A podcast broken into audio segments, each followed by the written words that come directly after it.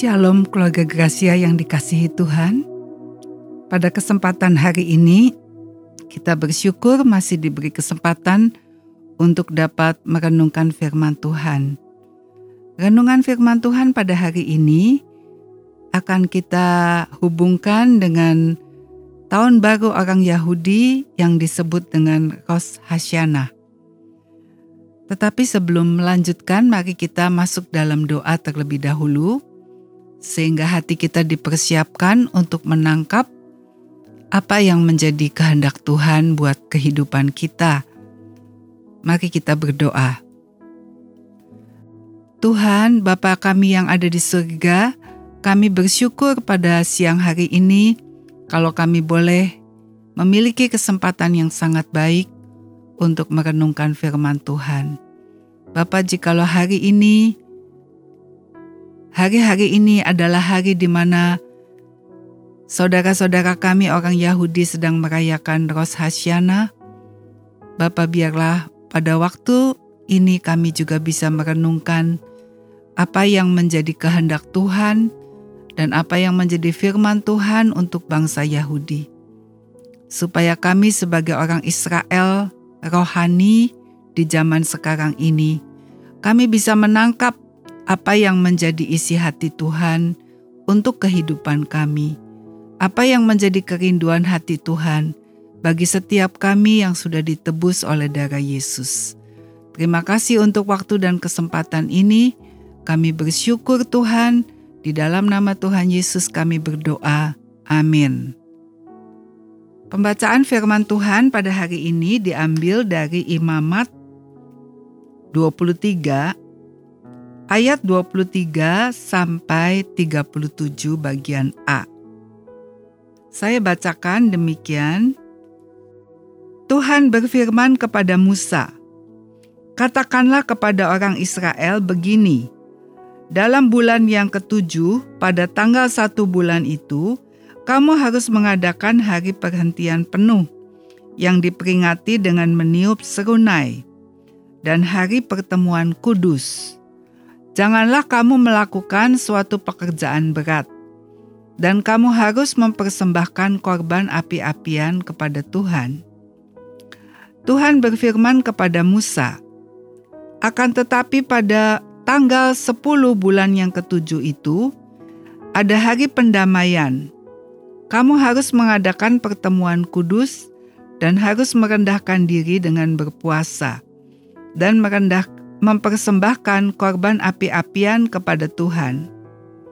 Pada hari itu, janganlah kamu melakukan sesuatu pekerjaan. Itulah hari pendamaian untuk mengadakan pendamaian bagimu di hadapan Tuhan Allahmu.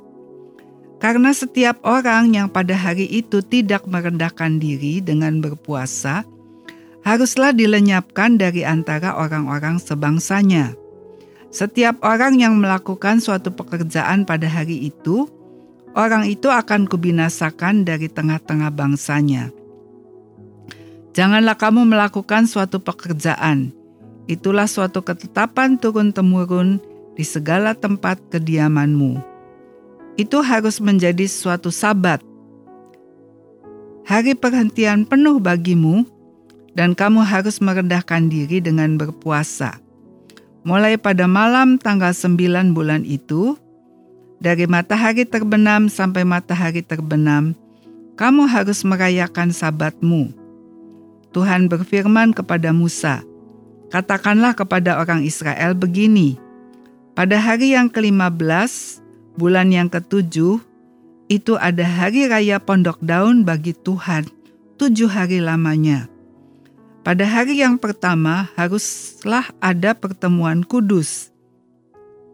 Janganlah kamu melakukan sesuatu pekerjaan berat.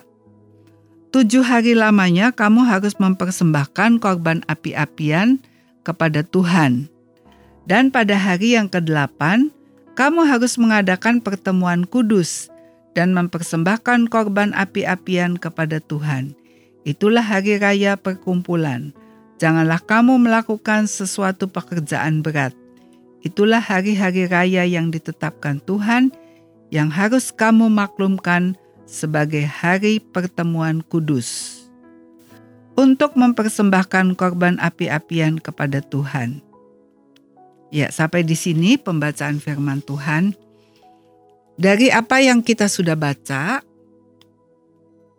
kita melihat di sini ada tiga hari raya yang Tuhan ingin untuk dirayakan oleh orang-orang Yahudi atau orang Israel pada waktu mereka dalam perjalanan dari Mesir menuju ke tanah Kanaan. Dan perintah Tuhan ini disampaikan melalui Musa dan Musa menyampaikannya kepada bangsa Israel. Ada tiga perayaan yang disebutkan dari pembacaan Alkitab tadi. Yang pertama yaitu perayaan Rosh Hashanah. Pada tahun 2022 ini, Perayaan Rosh Hashanah jatuh di tanggal 25 September 2022 pada saat matahari terbenam dan selesai pada tanggal 27 September. Mereka merayakan dua hari. Rosh Hashanah dirayakan dua hari. Hari per, Rosh Hashanah hari Rosh Hashanah hari pertama disebut tanggal 1 Tisrei 5783. Jadi pada tahun 2022 ini Rosh Hashanah itu jatuh di tahun 5783. Kemudian hari kedua adalah 27 September 2 Tisrei 5783 itu adalah Rosh Hashanah hari yang kedua. Rosh Hashanah adalah tahun baru orang Yahudi.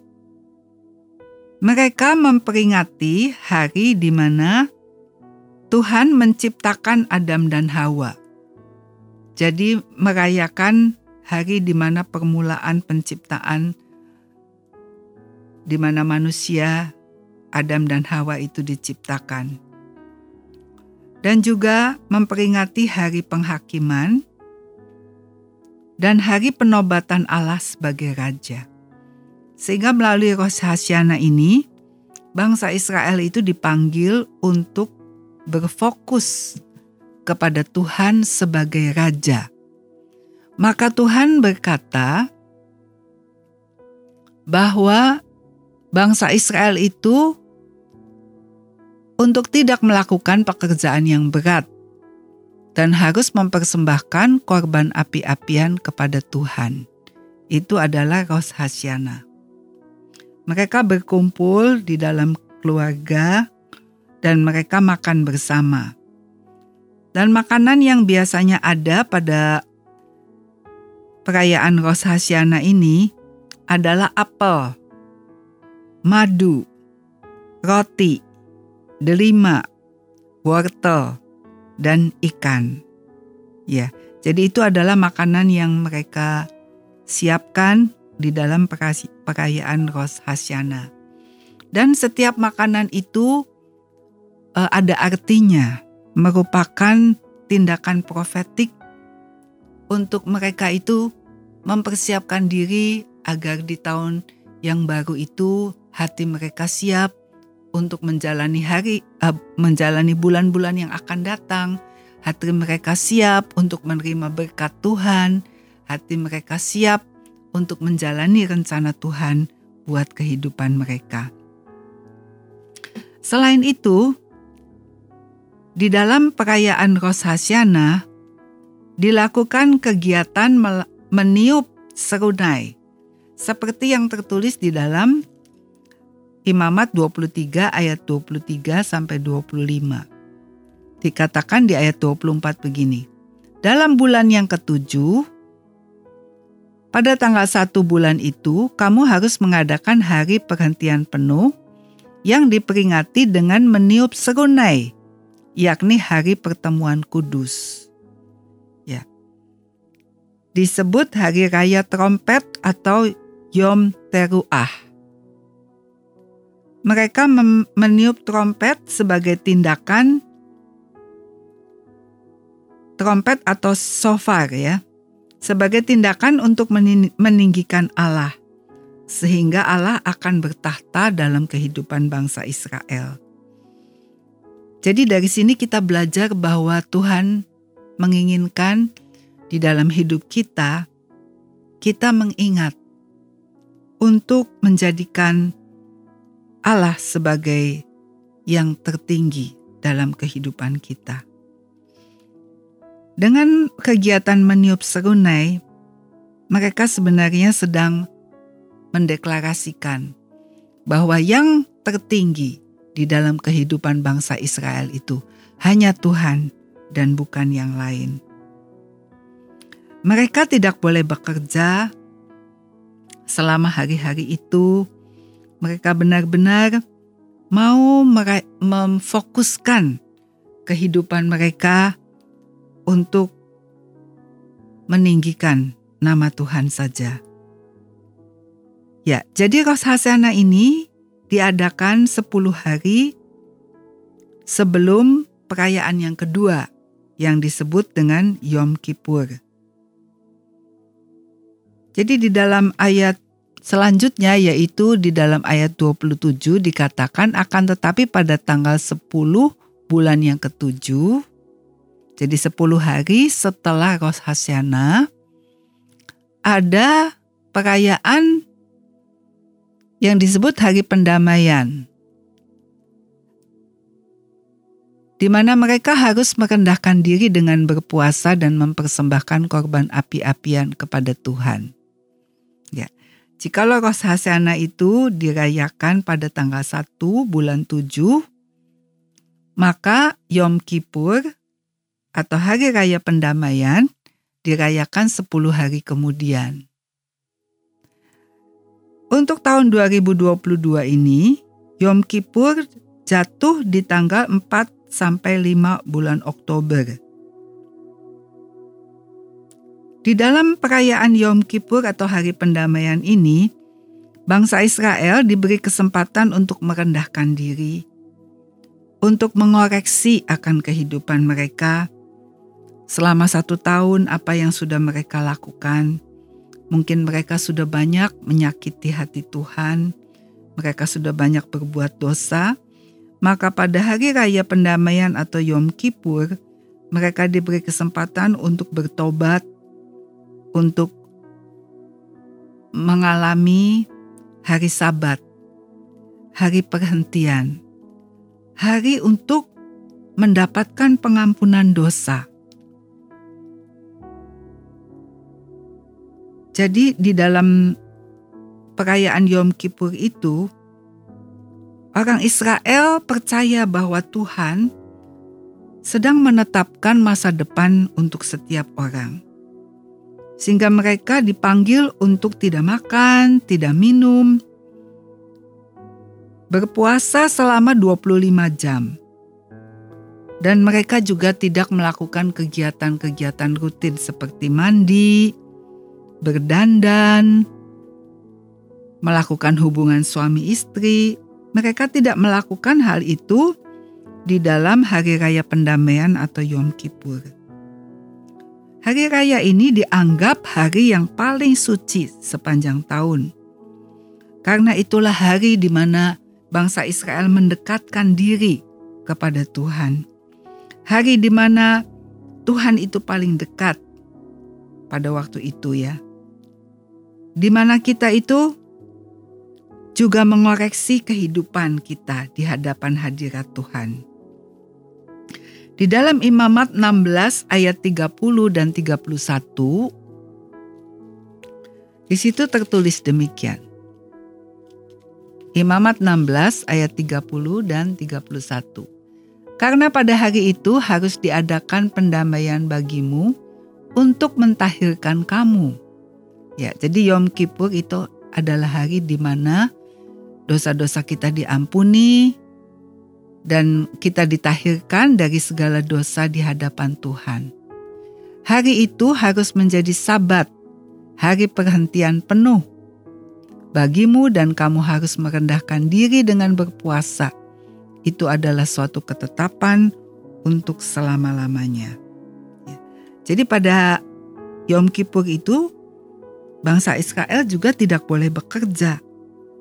Mereka harus berhenti dari semua kegiatan-kegiatan yang rutin supaya bisa mengoreksi diri dirinya. Selama ini hidup saya bagaimana? Kemudian mengaku dosa di hadapan Tuhan, bertobat, fokus dengan Tuhan, dan percaya bahwa Tuhan itu menetapkan sebuah masa depan yang indah, sebuah masa depan yang Tuhan tetapkan. Itu yang dilakukan oleh bangsa Israel. Jadi, dari sini kita bisa menangkap isi hati Tuhan bahwa Tuhan merindukan dalam hidup kita ada hari-hari di mana kita itu menyediakan waktu untuk datang kepada Tuhan, untuk mengoreksi diri kita, untuk kita merendahkan diri, untuk kita minta ampun, supaya semua kejahatan dan semua eh, pelanggaran-pelanggaran kita semua bisa dihapus.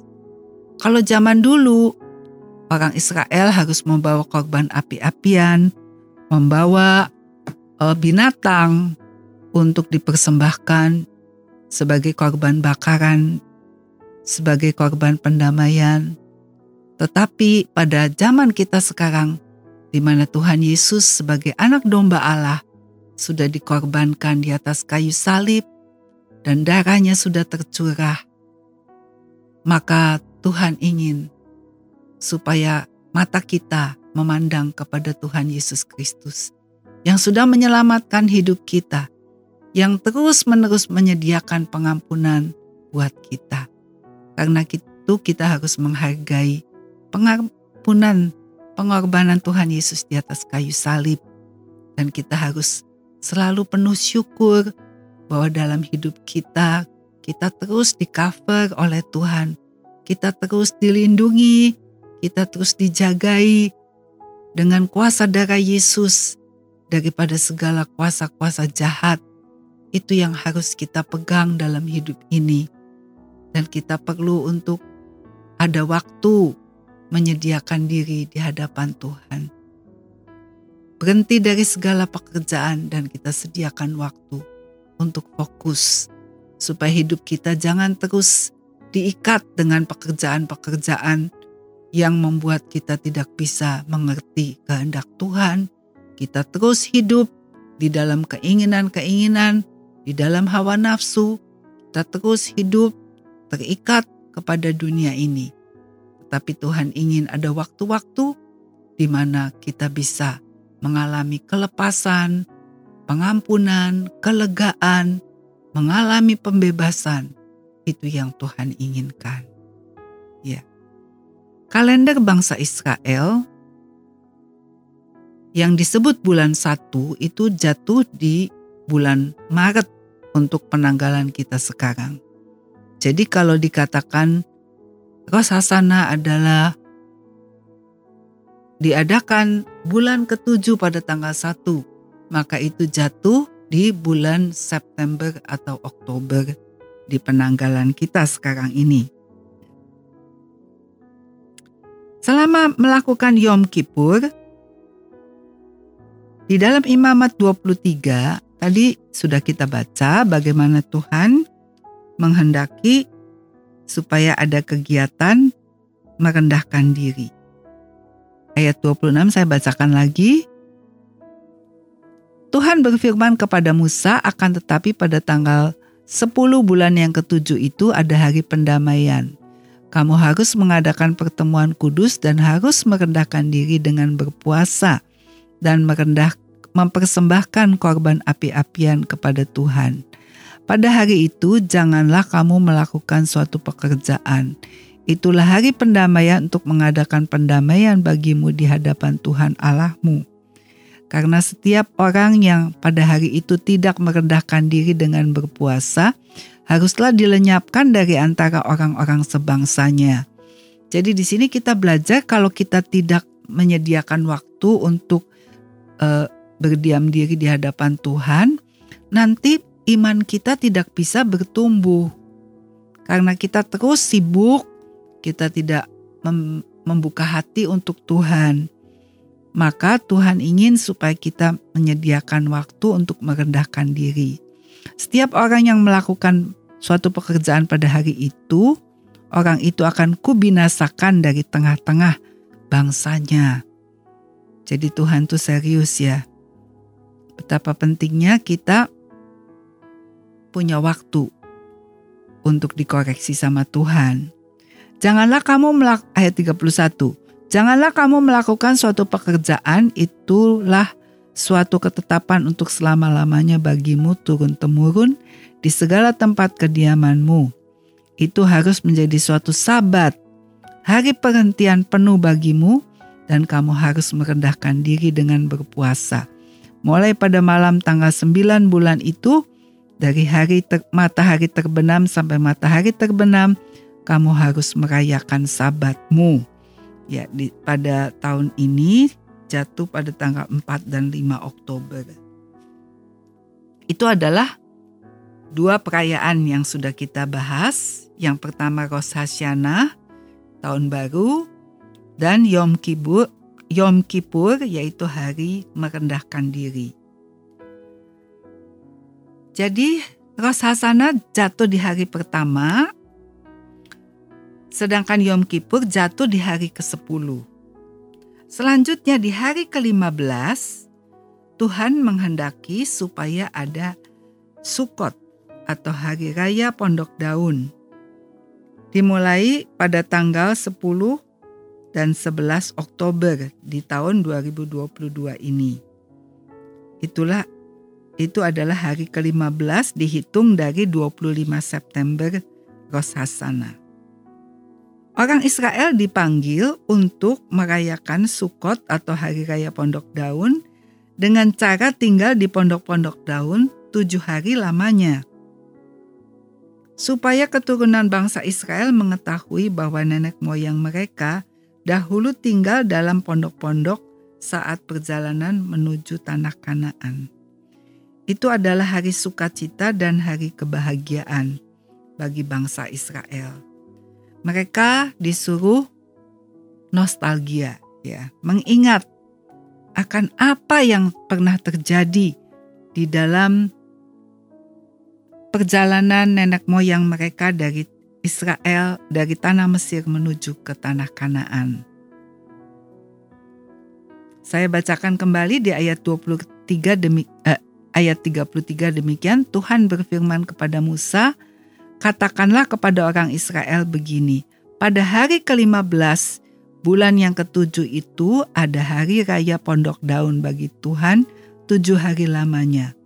Pada hari yang pertama adalah pertemuan kudus, janganlah kamu melakukan suatu pekerjaan yang berat. Tujuh hari lamanya kamu harus mempersembahkan korban api-apian kepada Tuhan. Dan pada hari yang ke-8 kamu harus mengadakan pertemuan kudus dan mempersembahkan korban api-apian kepada Tuhan. Itulah hari raya perkumpulan. Janganlah kamu melakukan suatu pekerjaan berat. Itulah hari, hari raya yang ditetapkan Tuhan yang harus kamu maklumkan sebagai hari pertemuan kudus untuk mempersembahkan korban api-apian kepada Tuhan, yaitu korban bakaran dan korban sajian, korban sembelihan dan korban-korban curahan setiap hari sebanyak yang ditetapkan untuk hari itu. Ya. Jadi di bangsa Israel diberi kesempatan untuk membawa persembahan dalam bentuk korban api-apian.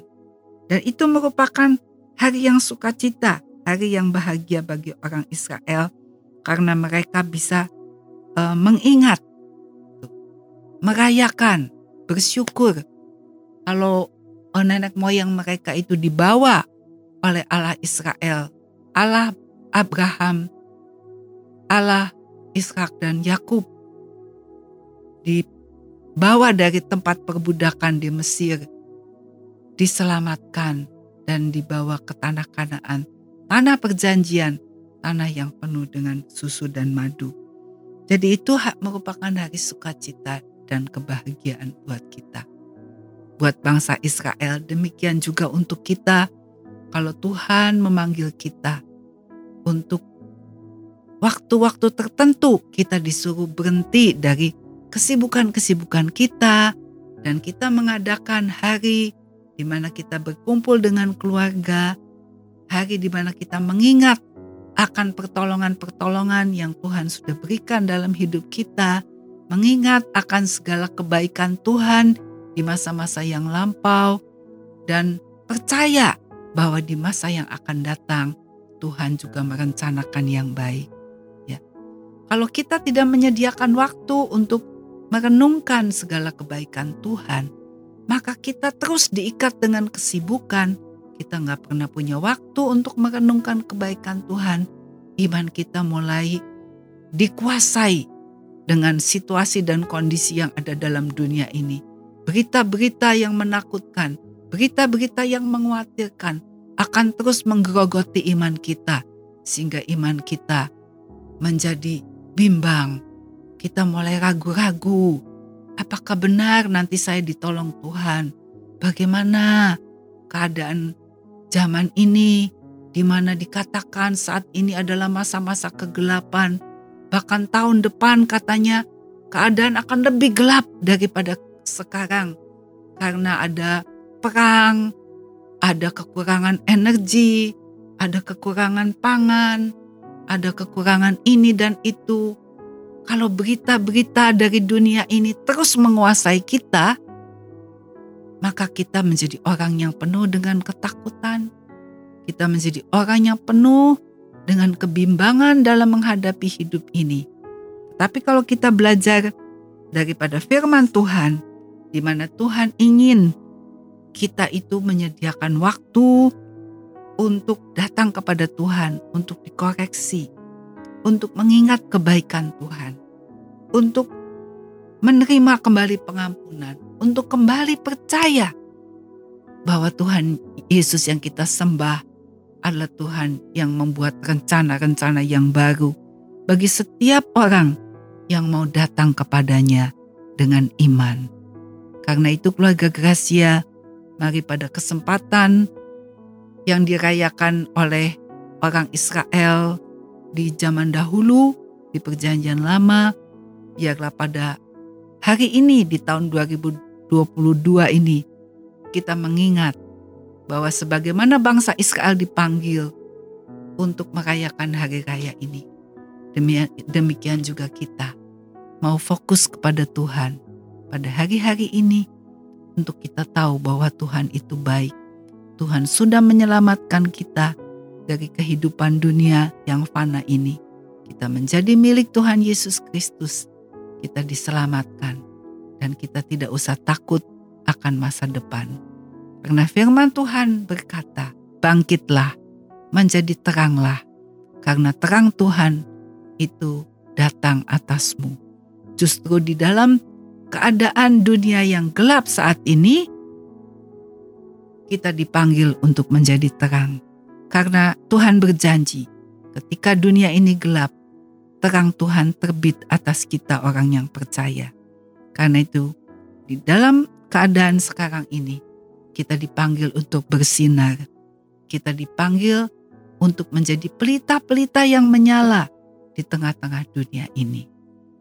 Mari kita sambut akan tugas yang Tuhan berikan. Kita bangkit kita jangan terus terpuruk di dalam kesedihan, dalam pikiran-pikiran negatif, tapi kita bangkit dan meresponi panggilan Tuhan untuk menjadi terang di tengah-tengah dunia ini dengan perkataan-perkataan yang positif, dengan tindakan-tindakan untuk berbuat baik, tindakan untuk mengampuni, tindakan untuk memberkati orang lain. Itulah panggilan hidup kita sebagai orang percaya di zaman sekarang ini. Biarlah di akhir zaman ini memang banyak masalah, banyak bencana, banyak pergumulan-pergumulan. Tetapi anak-anak Tuhan sudah diberi kuasa dan otoritas untuk bangkit dan menahan semua yang belum waktunya terjadi dan kita dipanggil untuk menyatakan kemuliaan Tuhan. Karena itu mari kita bangkit dan percaya dan meresponi semuanya dengan firman Tuhan sebagai pedang roh, dengan doa sebagai nafas hidup kita. Kita terus melakukan tugas kita. Amin. Mari kita berdoa. Bapa yang ada di surga, kami bersyukur karena kasih setiamu terus menyertai kehidupan kami. Terima kasih Tuhan, kami mendoakan bangsa Israel yang hari-hari ini sedang merayakan Ros Hasanah, sedang merayakan Yom Kippur dan Hari Pondok Daun. Tuhan, biarlah mereka juga boleh kami doakan bangsa Israel yang masih hidup menurut perjanjian lama. Mereka boleh bertemu dengan Tuhan Yesus Kristus secara pribadi dan mereka boleh diselamatkan. Mereka tidak usah lagi hidup menurut cara-cara yang lama karena Tuhan Yesus sudah menebus kehidupan mereka. Dan kami yang sudah ditebus dengan darah Yesus, di akhir zaman ini kami berdoa untuk bisa bangkit dengan pertolongan roh kudus.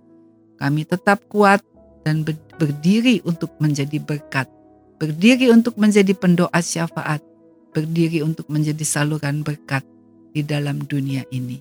Terima kasih Tuhan Yesus, kami mengucap syukur dan kami juga mendoakan bangsa dan negara kami Tuhan.